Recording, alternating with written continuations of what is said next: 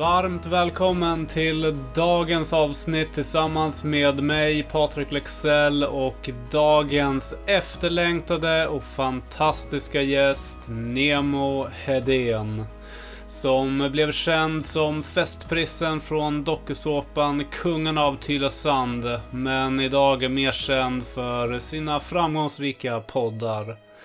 Idag så kommer vi att få lära känna Nemo lite mer på djupet. Där vi bland annat kommer att få höra om en annorlunda och trasslig uppväxt. Och där missbruk och drogberoende tog över och nästan avslutade hans liv. Vi kommer att reda ut vad som ledde till missbruket och vad en beroendesjukdom är för något. Idag har Nemo vänt på livet där han bland annat har två döttrar och driver då två framgångsrika poddar på heltid. Och eh, jag är så otroligt tacksam för detta möte och samtal med en person som verkligen kan göra oss medvetna om eh, beroende och missbruk på ett helt annat plan. För dig som är ny här i kanalen så får du mer än gärna följa och gilla podden för att enklare ta del av kommande avsnitt. Varmt välkommen Nemo Hedén. Tack och bock. Tack och bock. Mm. Hur är läget? Mm. Eh, läget är eh, lite av varje, tänker jag. Eh, dagsformen är lite sliten. Jag har haft båda mina döttrar i eh, fem nätter. Så egentligen har vi kortare perioder då, jag och mitt ex då, när vi delar på det här. Men nu har det varit en längre period och jag är inte riktigt van vid att ha båda, båda tjejerna eh, i fem nätter. Så jag känner mig ganska sliten och sådär, eh, även om jag också är uppfylld av mycket kärlek och tacksamhet över hur fina och bra och underbara de är liksom, så blir man ju sliten av att vara ensam med små barn. Så är det ju. De är liksom ett och fyra år så att ja, du kan tänka dig vilket ös det är här hemma. ja, det är ganska intensivt då. Verkligen. Och sen, så, och sen så om man kollar på the bigger picture så, så har jag ett liv som jag tycker väldigt mycket om. Eh, som jag trivs med och är väldigt glad över och tacksam över. Liksom. Så jag, mm. jag har ett bra liv och jag mår bra. Det blir liksom så att när jag har barnen så är jag liksom pappa till 100% och är väldigt där och då och liksom lägger all min kraft på dem. Men när jag inte har barnen försöker jag hitta på allt annat. Liksom. Jag tränar, jag, jag dejtar, jag åker små, på små resor, jag, jag gör saker liksom för mig själv och så. Så det blir som att jag lever liksom två olika liv kan man säga. Mm. Eh, och det är ganska fint. Alltså att ha det så är ganska lyxigt egentligen. För det blir, då kan jag verkligen vara närvarande när jag väl har barnen liksom, och, och, och vara där och då och lägga all min kraft på dem. Jag mm. behöver inte tänka att jag ska, liksom, ska, träna på kvällen när barnen sover eller så här, få in allt där. Jag kan få in allt det på den andra halvan av tiden liksom. och det är ganska, ganska lyxigt att ha det så faktiskt. Ja, men det låter väldigt skönt att ha det uppdelat så. Just att kunna mm. fokusera en vecka på barnen och en vecka på ja, men, alla annan form av träning och allt annat som du vill pyssla med i livet. Mm. Eh, men jag tänker också så här innan vi eh, börjar prata på för mycket. jag tror att de flesta vet liksom vem du är. Men jag tänker ändå att du kan få köra en liten kort bara presentation om liksom vem är Nemo Hedén? Uh, oj, jag ska, ska försöka göra en liten pitch om mig själv här då. Mm. Mitt, mitt, liv, mitt liv på en minut. Eh, men eh, i, i, stora penseldrag då, så blev jag väl känd i Kungarna av Tylösand, en dokusåpa för 11 år sedan. Eh, väldigt stökigt eh, och det var ganska dåligt för mig. För jag kom från ganska trasiga förhållanden, från en ganska trasig uppväxt. Så jag kraschade ganska hårt efter den dokusåpan, kraschade i ett tungt missbruk som höll på att ta mitt liv. Eh, jag tog mig ur missbruket för, och blev nykter och drogfri för sex och ett halvt år sedan. Eh, startade en podd som heter Nemo möter en vän som blev jättestor eh, och jag började föreläsa. Jag skrev en bok. Podden blev mitt yrke. Det har jag försörjt mig på i fyra år nu och nu på senare år, nu sista året, så har jag även en beroendepodd också. Så nu jobbar jag dubbla poddar. Så det är det jag gör på dagtid. Då. Och jag har två små döttrar då ja, det är eh, vem jag är. Så jag är väl någon slags mediaprofil får man säga, eh, även om jag inte gillar uttrycket så mycket. Men det är väl det jag är antar jag. Mm. Jag, jag, jag, jag, kallar mig gärna poddare. Det är härligt. Om vi backar bandet då till liksom din uppväxt. För du, du har ju haft en ganska eh, trasslig resa om jag har förstått det rätt. Och eh, då börjar det ju någonstans ifrån uppväxten kanske. Så skulle du kunna ta med oss lite på den resan, liksom hur, du, ja, hur din uppväxt var och hur det var liksom och, ja, i skolan och olika samman, sammanhang? Eh, jag växte upp i en eh, stor familj, jättestor familj. Vi var sex syskon, två föräldrar. Eh, ganska vänsterlagd familj får man säga. Det var lite så här hippievarning på oss kan man säga. Det var färgglada kläder och det var lite fritt och det var så här, ja. Vi mm. bodde en sväng kollektiv och det var ganska så här, ja, det var lite som det var på något sätt. Och det, var, det fanns bra saker med min uppväxt och det fanns också mindre bra saker. Eh, tyvärr är det de mindre bra sakerna som präglar en ganska mycket som barn. Tyvärr, det blir oftast så. Eh, min pappa missbrukade alkohol och tabletter under stora delar av min uppväxt och min mamma var ganska frånvarande och ledsen och hade fullt upp med andra syskon och så. Så jag upplevde att jag inte fick det jag behövde som barn ganska tidigt och det formade mig till att bli någon slags ja, men kicksökare, bekräftelsejunkie, någon som ständigt sökte yttre faktorer för att lösa ett internt problem. Liksom. Mm. Och, det, och det förföljde mig genom livet och har förföljt mig genom livet på något sätt. Mm. Eh, och det var ju liksom också så att i, i barndomen där så, så blev nog ganska utsatt i skolan också för att jag var från den här familjen då som var så annorlunda. Liksom. Vi bodde på Värmdö som var ett ganska fint ställe, ganska mycket så fina hus. Men så fanns det ett kollektiv och där bodde vi och där var det verkligen så att bodde man där så var det öppet mål att bli retad i skolan. Mm. Det, och det kombinerat med att jag hette Nemo liksom och kom från den här familjen och, och, och, och så var det liksom så här, det, var en fribiljett in i, i mobbing på ett sätt, absolut. Eh, mm. Det var tufft i skolan, väldigt tufft. För att jag dels ville jag, och jag behövde den här bekräftelsen, jag ville höras och synas, jag ville ha någon slags tillhörighet, men sen så ville jag också bara smälta in liksom och vara som alla andra. Så det var en ständig alltså, krasch inom mig, en krock inom mig för hur jag skulle bete mig för att liksom bara få lugn och ro. Men det, det blev inget bra alls och, och skoltiden överlag känns bara jävligt jobbig. Liksom. Det blev inget bra alls. Mm. Jag, jag, brukar säga att mitt liv lossnade liksom när jag flyttade ifrån Värmdö och det är då var jag liksom 18, 19, 20 år. Ah, Okej, okay. innan dess var det liksom fyllt av uh, jobbiga tankar och känslor mest? Ja, jag tycker det. Jag tycker aldrig det blev någon ordning på någonting ute på Värmdö. För att det, det var som att vår familj var liksom, folk kollade på oss som att vi var liksom ufon på något sätt. Mm. Uh, och, uh, och, det var, var inget bra bara. Jag, jag trivdes inte, inte i skolan och, och, jag, och jag, jag mådde inget bra och jag tror inte mina syskon och mina föräldrar mådde så bra där heller. Min pappa har liksom sagt i efterhand att han, han ångrar som fan att vi flyttade dit. Vi flyttade till Värmdö när jag var liksom sex år. Så det var precis till när skolan började där. Uh, och det har liksom mina föräldrar uttryckt att de ångrar det jättemycket för det blev inget bra alls.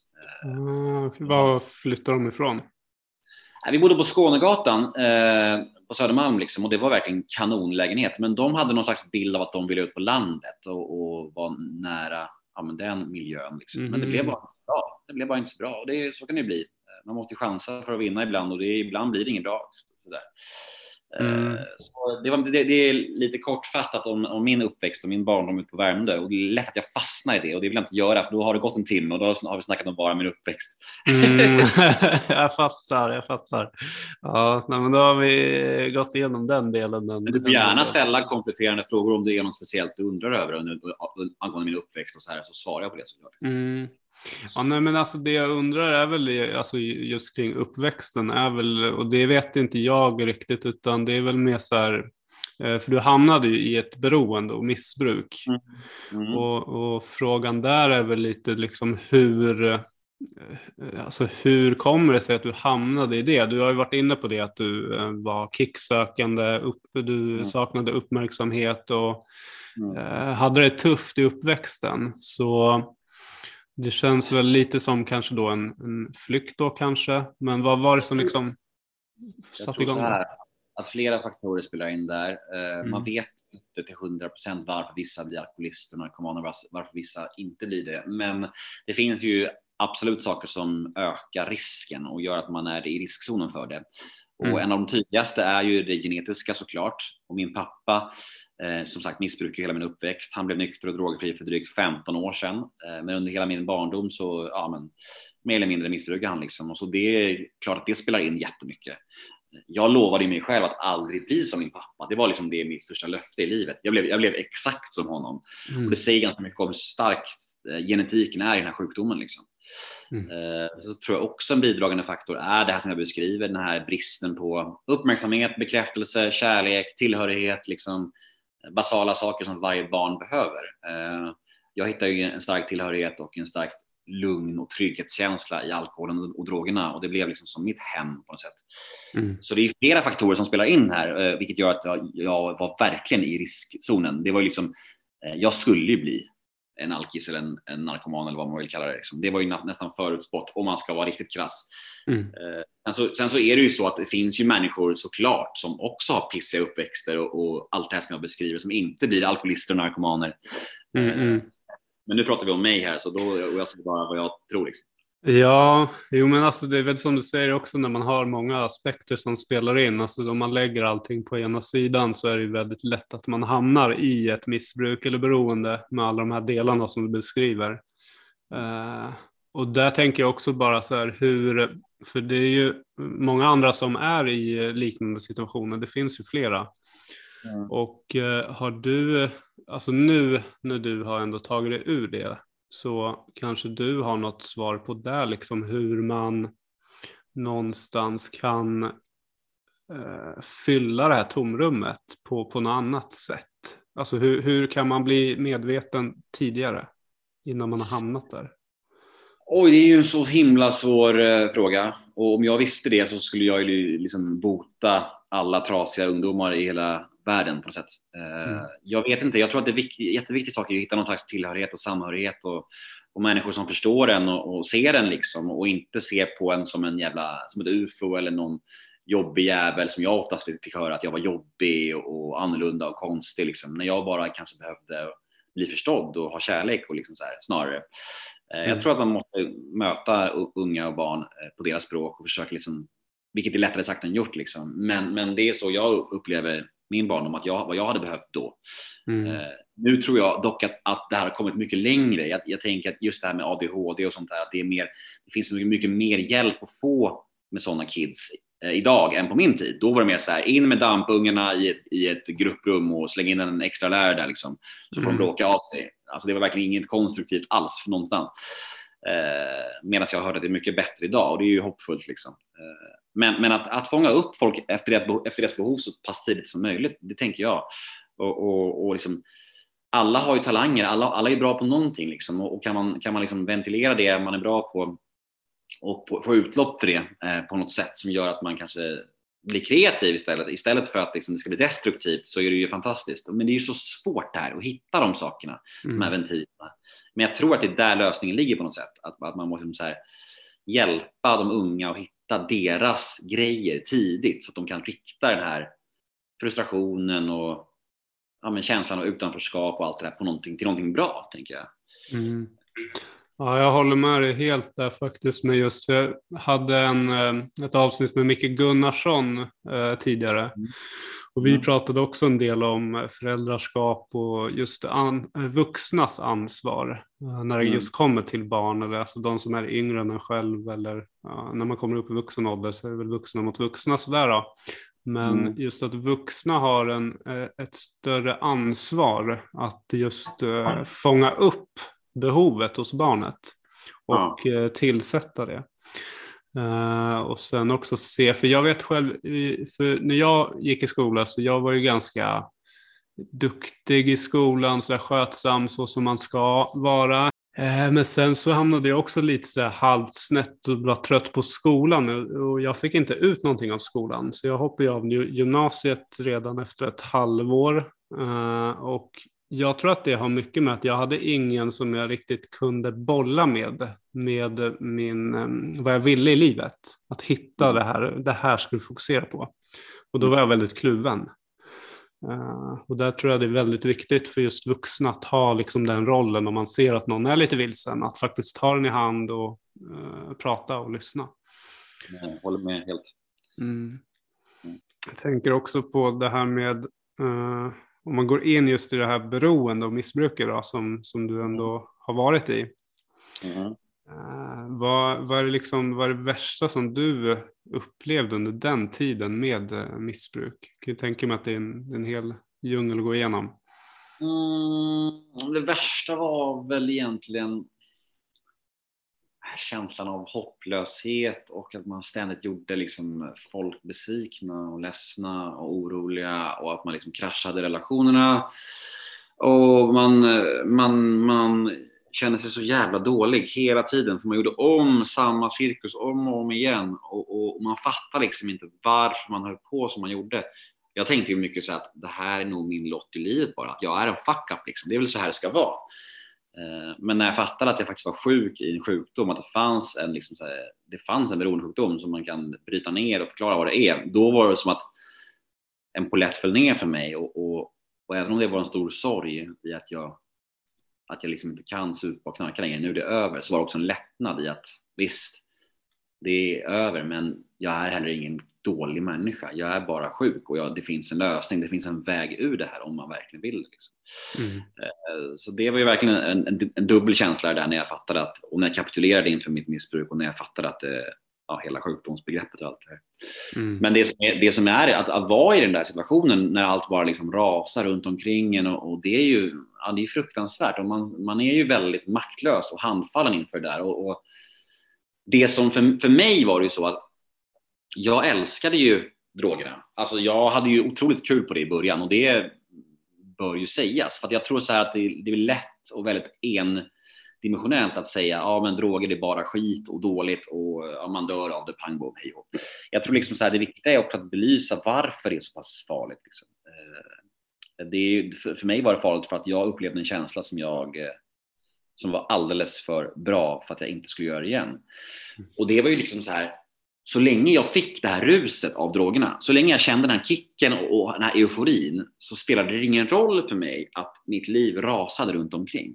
Att folk bara grät och bönade och bad om jag skulle sluta, att liksom jag hamnade hos Kronofogden, att jag fick panikångest, beroendeakuten, psykoser. Det spelade ingen roll, så länge jag fick det här ruset. Liksom. Och det någonstans är ju vansinnet i det hela. Att det enda som betyder någonting, så länge jag får ruset, är ruset. Liksom. Det mm. och sen så kommer en dag där man inte får det här ruset längre, där det, det mattat, mattas av. Liksom. Och då står du där med ett liv som har rasat helt. Allt är åt helvete, alla håll och kanter och du får inte ens ruset längre. Då fyller ju plötsligt drogerna en annan funktion. Då blir det ju att man knarkar för att fly från den verklighet som man har skapat. Liksom. Och då, då ändrar det funktion, drogerna. För mig var det så i alla fall. Mm. Och det är så jävla sorgligt och mörkt och man hinner knappt fatta det, för det går så snabbt allt det där. Liksom. Eh, och det är läskigt som fan, för det är som, en, som, som jag sa, man förstår knappt själv när man, när man står där och plötsligt så flyr man verkligheten istället för att man har, man har ju bara haft kul och njutit och, och, och liksom så här partyknarkat. Sen, sen plötsligt så står man där och flyr. Mm. Alltså bokstavligen för att man inte orkar och står ut med en verklighet som bara är kaos. Liksom. Ja, alltså jag kan, ju, jag kan ju inte sätta mig in i, i det, den rollen så, men för jag, jag har ju själv haft, eh, alltså levt i eh, med, eh, med psykisk ohälsa, i destruktivt liv. Jag drack väldigt mycket. Det var mycket fester och sen så hade jag alltid alkohol hemma liksom. Mm.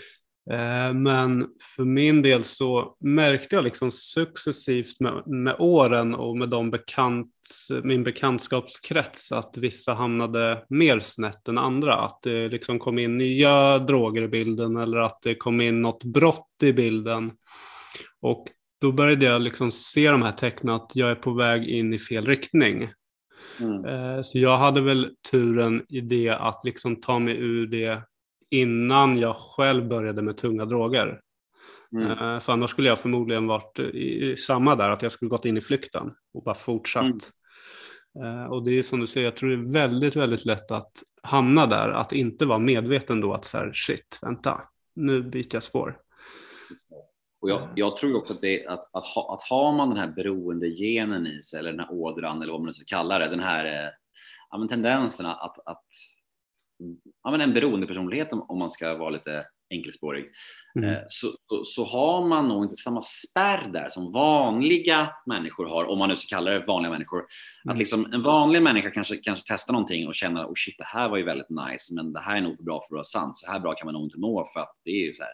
Medan jag känner så här, det här, så här ska jag må nu varje dag hela tiden liksom. För det, mm. det var otroligt den här långsiktigheten finns liksom inte och den här konsekvenstänket finns liksom inte. Det är därför det är, det är ju snarlikt eh, ADHD såklart och, och just därför är ju också personer med just diagnosen ADHD väldigt mycket mer sårbara just för missbruk. För man har inte samma konsekvenstänk, man, man, man är väldigt så här kortsikttänk och impulsstyr och känslostyrd. Liksom. Så det är ju Ja, det hade jag ju också. Så det, mm. så, på tal om mina, mina riskfaktorer då i livet, det hade jag det har verkligen kört för mig från start. ja, det låter lite som att du har liksom alla check, check, check-listan på det här. Att, ja. ja. Tufft alltså. Ja, fattar.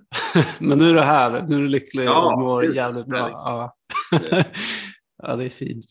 Ja, men det är ju så att säga, alltså vissa kan ju hamna väldigt snett. Alltså jag hade en, en bekant här, en, en, tidigare vän som faktiskt gick bort här i, eh, för någon vecka sedan i missbruk. Och eh, sen har jag även en bekant som eh, har varit på flykt i nästan ett år som de hittade gömd nu. Som, han har ju fått fängelse 18 år. När jag kollade tillbaka på det så blev jag så här, shit vilken jäkla tur att jag liksom inte eh, fortsatte med den här bekantskapskretsen. Mm. Eh, har du också något så här, alltså, när du blickar tillbaka idag, eh, jag, blir, jag blir lite så här eh, rörd när jag pratar om det i och med att det är tunga saker vi pratar om. Men om man blickar tillbaka, liksom, om du blickar tillbaka, eh, kan du se någonting liksom där? Liksom, vad, vad känner du idag av den förändring du har gjort? Eh, jag Alltså det är ju lätt att bara ta allting för givet eftersom att ens vardag är ju ens liv och man och det är liksom eh, det blir ju så att man, att man kanske inte tänker på det så ofta och ger sig själv en klapp på axeln som man borde. Men, men eftersom att jag lever mitt liv nära min historia med, med poddar och med tolvstegsprogrammet. Jag, jag sponsrar andra killar in i tillfrisknande ut ur missbruk och så lever jag ju nära min historia hela tiden och påminns ju ständigt om den liksom, i mm. intervjuer med dig och sådär. Så det blir så att jag ändå liksom, ja, men jag slungas tillbaka mycket. Uh, och jag, jag är ju Alltså jag är ju såklart superstolt över det, den resan jag har gjort och jag vet liksom att det var på väg att gå alltså full-blown liksom åt, åt helvete såklart. Jag hade, jag mm. hade inte mycket kvar, jag hade ingenting. I princip eh, mitt liv kvar. Alltså det, jag hade liksom mm. ingenting. Ja. Eh, så det är klart det är, när jag tänker på det så kan jag också bli rörd och väldigt stolt över mig själv och jag kan ju liksom så här, folk kan säga vad de vill om mig. Så här, det, det, är så här, ja, det är jättetråkigt att, tråkigt människor kanske dömer en för sitt, för, sitt gamla liv och så där. Men jag vet ju också vart jag har kommit och jag vet att jag har skapat allt jag har gjort helt själv. Liksom. Jag har skapat poddarna själv, jag har skapat mina föreläsningar själv, jag skrev min bok själv. Alltså jag, har gjort, jag är self-made liksom, och det, det är jag jävligt stolt över. Alltså, mm. för vi lever i ett samhälle där folk använder spökskrivare och folk tar hjälp av team och så här, men jag har aldrig gjort det liksom och jag är jävligt stolt över det. Mm. Uh, och det är viktigt tror jag för mig att påminna mig om det här för att det är lätt för mig att hamna i det andra. Jag är ju liksom, som sagt beroendemänniska, en känslig eh, typ, en ADHD-kille liksom och jag hamnar lätt i det andra liksom. Att jag känner mig dålig och ledsen och ja, men sämre än alla andra, börjar jämföra mig med andra och så här. Så jag, jag, för mig är det viktigt att påminna mig själv om vart jag kommit och leva liksom i tacksamhet. För annars hamnar jag lätt i fel spår liksom, och där vill jag inte vara. Mm, men det är, kul, det är kul att göra intervjuer som jag gör med dig nu, för då, då påminns jag ju verkligen om det, liksom, när du nämner det och det gör mig jätteglad. Jag är ju, mm. jag är, jag är ju väldigt stolt över var, ja, vart du, jag är. Du är ju fantastisk. Du berättade, du berättade ju här innan att du kör eh, dubbla poddar och du kör liksom helt, du har byggt upp allt som du säger själv också från liksom eh, den resa du kommer ifrån. Eh, så det, det är ju fantastiskt. Eh, tänker där på också med kungen av Tylösand som du var med på. Jag kikade på några avsnitt. Nu var det ju några år sedan då, men det var ju verkligen så här också. Eh, Alltså när man kollade på dem, det, var, det man blev inspirerad av var ju så här, nu ska jag festa hårdare. Nästa gång det blir fest, då ska vi också festa hårt. Mm. Liksom.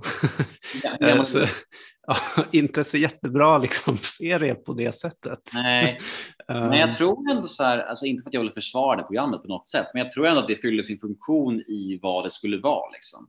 Mm. Att det skulle vara gränslöst och underhållande och ett partyprogram liksom, som, som taggade folk att gå ut och festa. Och det, och det tror jag att det gjorde. Liksom. Det var ja. så det skulle vara, antar jag. Jag vet inte. men, ja. hur, hur, hur, gammal är du? Hur gammal är du? Uh, jag är 32. Ja, men precis. Men då var ju du perfekt målgrupp ju. Ja, verkligen. uh, men sen tror jag också att um, tror att vissa som såg det, det är, kul, det är ju all, alla har ju sin egen upplevelse också. Så jag menar, det är mm. någon annan som såg det kanske tänkte så här, ah shit, jag ska nog inte festa så hårt. Uh, det här är inte så bra att festa så mycket. Man kanske får, alltså det är ju olika perspektiv utifrån sin egen upplevelse liksom. Men för din del, Ja. Jo, men det är intressant det som du är inne på, det här med att, eh, vad, vad, hur man påverkas av saker man ser. Du, du pratade om det förut, det här med umgängen och, och, och vad man, hur man påverkas av umgängen. Om man söker sig till eh, äh, färre umgängen eller om man drar sig undan. Du drog dig undan och det var ju klokt av dig. Liksom. Jag tror att jag sökte mig till det och jag tror att vi liksom så här, triggade varann väldigt mycket. Eh, för mm. att jag, vill, jag ville nog liksom testa allt. Jag ville nog vara lite gränslös. Och så här. Jag, tycker, jag, jag romantiserade nog hela det, hela det livet lite grann, tror jag. Ganska mm. mycket. Eh, så jag kommer nog aldrig skylla på det på något sätt. Eh, det, men det blir lätt så att man, jag har ju funderat mycket på det så här. Var det umgänget fel och hade det kunnat gå annorlunda? Men jag tror att så här, min resa hade ju liksom hade varit likadan ändå tror jag. Mm. Det är ju samma sak som så här, folk, folk brukar fråga mig så här, har du ångrat kungen av Tylösand? Det är samma svar där egentligen. Ah. Jag, jag, jag, tror att kungen av Tylösand bara skyndade på någonting som skulle ske oavsett såklart. Yeah. Jag ah. hade ju alla, alla förutsättningar att bli en alkis och narkoman ändå liksom. Så det, det gick nog bara lite fortare med hjälp av kungen av Tylösand. Ja, den hjälpte till lite, men det, ja. Och sen tänker jag också någonting så som slår mig nu är ju också så här när, om man är i liksom den liksom röran där att så här, shit nu, nu söker jag en kick, nu vill jag testa någonting, nu vill jag testa droger eller nu, nu ska jag dricka ännu mer alkohol eller nu ska det mm. bli ännu högre liksom på den där nivån. Att man i det skedet kanske också berättar för folk att man liksom och berätta för någon utomstående. Det finns liksom andra som kanske inte är involverade i det. Mm. Försök liksom hitta dina poddar, det här avsnittet som vi har nu. Uh, så det tror jag är väldigt nyttigt att lyssna mm. på. Mm. Uh, jag tänker också för din del där med, för du, om vi tar liksom så här, när du var i liksom the worst Nemo stage om man säger så. Nu mm. tänker jag ändå så här, om man tänker när du liksom var i, i eh, det värsta, liksom, du festade hårt och du eh, hade droger och så vidare. Mm. Vad, vad, har du någon liksom specifik händelse som du ändå så kan se tillbaka på som verkligen sticker ut under den här liksom tiden? Uh, mina värsta år var 2000 2012 till 2015 skulle jag säga. Och eh, det var ju, framförallt sista året var väldigt, väldigt eh, mörkt. Då var det mest ensamknarkande eh, och då, handlade, då var det mest att jag hade mina race där jag knarkade i så här två, tre dagar utan sömn och utan mat, utan någonting, bara knarkade och sen så sov jag i typ två, tre dagar och sen började om igen liksom. Det var så mitt sista år såg ut i liksom det livet. Mm. Och det fanns såklart sekvenser ur det året som är väldigt, väldigt mörka och idag komiska kan man ju säga. Eh, jag tänker särskilt på en gång när jag, eh, alltså jag bodde ihop med en tjej då eh, som var väldigt medberoende och hon, hon, jag manipulerade henne väldigt mycket att få vara kvar. Hon borde ju gjort slut med mig för länge, länge sedan, men det gjorde hon inte, märkligt nog. Mm. Hon gick till jobbet en dag, jag tror det var en tisdag morgon, hon gick till jobbet och jag satt och knarkade i köket. Jag hade väl varit vaken i kanske tre dagar då. Eh, hon gick till jobbet liksom. Eh, sen så satt jag där och, och, och hade mina droger, min sprit och, och alltså en, en sån här iPhone-stereo framför mig. Och då var den här This Love med Maroon 5 låten i stereon då. Och så bara plötsligt så hör jag hur liksom sången låter så här. This love has taken och jag bara shit vad fan är det som händer? Var, varför låter det så mörkt för? Fan vad märkligt alltså. Mm. Så jag smsar min tjej då som har just gått till jobbet. Jag messar henne och skriver bara så här. Du älskling, vad, vad är det med stereon i köket? Är den trasig eller? För att, för, för att sången låter mycket mörkare än vad jag ska göra. Och hon bara Nemo, gå och lägg dig. Alltså det, är liksom, det, är, det är du som är trasig, det är inte stereon som är trasig, du måste gå och sova nu. Så här. Jag bara, nej, nej, nej, det, det är någonting som är lurt här, det här måste vi forska i. Så jag går ut i vardagsrummet, slår på tvn och då kommer How I Met Your Mother på, eh, en amerikansk eh, humorserie och där finns en karaktär som heter Barney. Mm. Och, och, då pratar han och då är det samma sak där. Han säger typ så här what you doing guys? Och jag blir, jag bara shit, vad är det som händer? Och jag börjar kolla mig omkring, så här, har det, finns det kameror här? Blir jag prankad? Vad är det som pågår här? Jag blir ju också, börjar bli väldigt rädd såklart också, för jag fattar inte riktigt vad som händer. Liksom. Eh, jag springer ut på gatan. Eh, detta är alltså mars månad 2015. Det är snö ute minns jag och eh, det är ungefär fyra månader innan jag hamnar på behandlingshem. Jag springer ut på gatan då och, och, och, och jag har liksom, vad har jag på mig? Jag tror att jag har mjukisbyxor, bar överkropp och är barfota. Jag springer ut på gatan i snön då eh, och springer upp till lokala ICA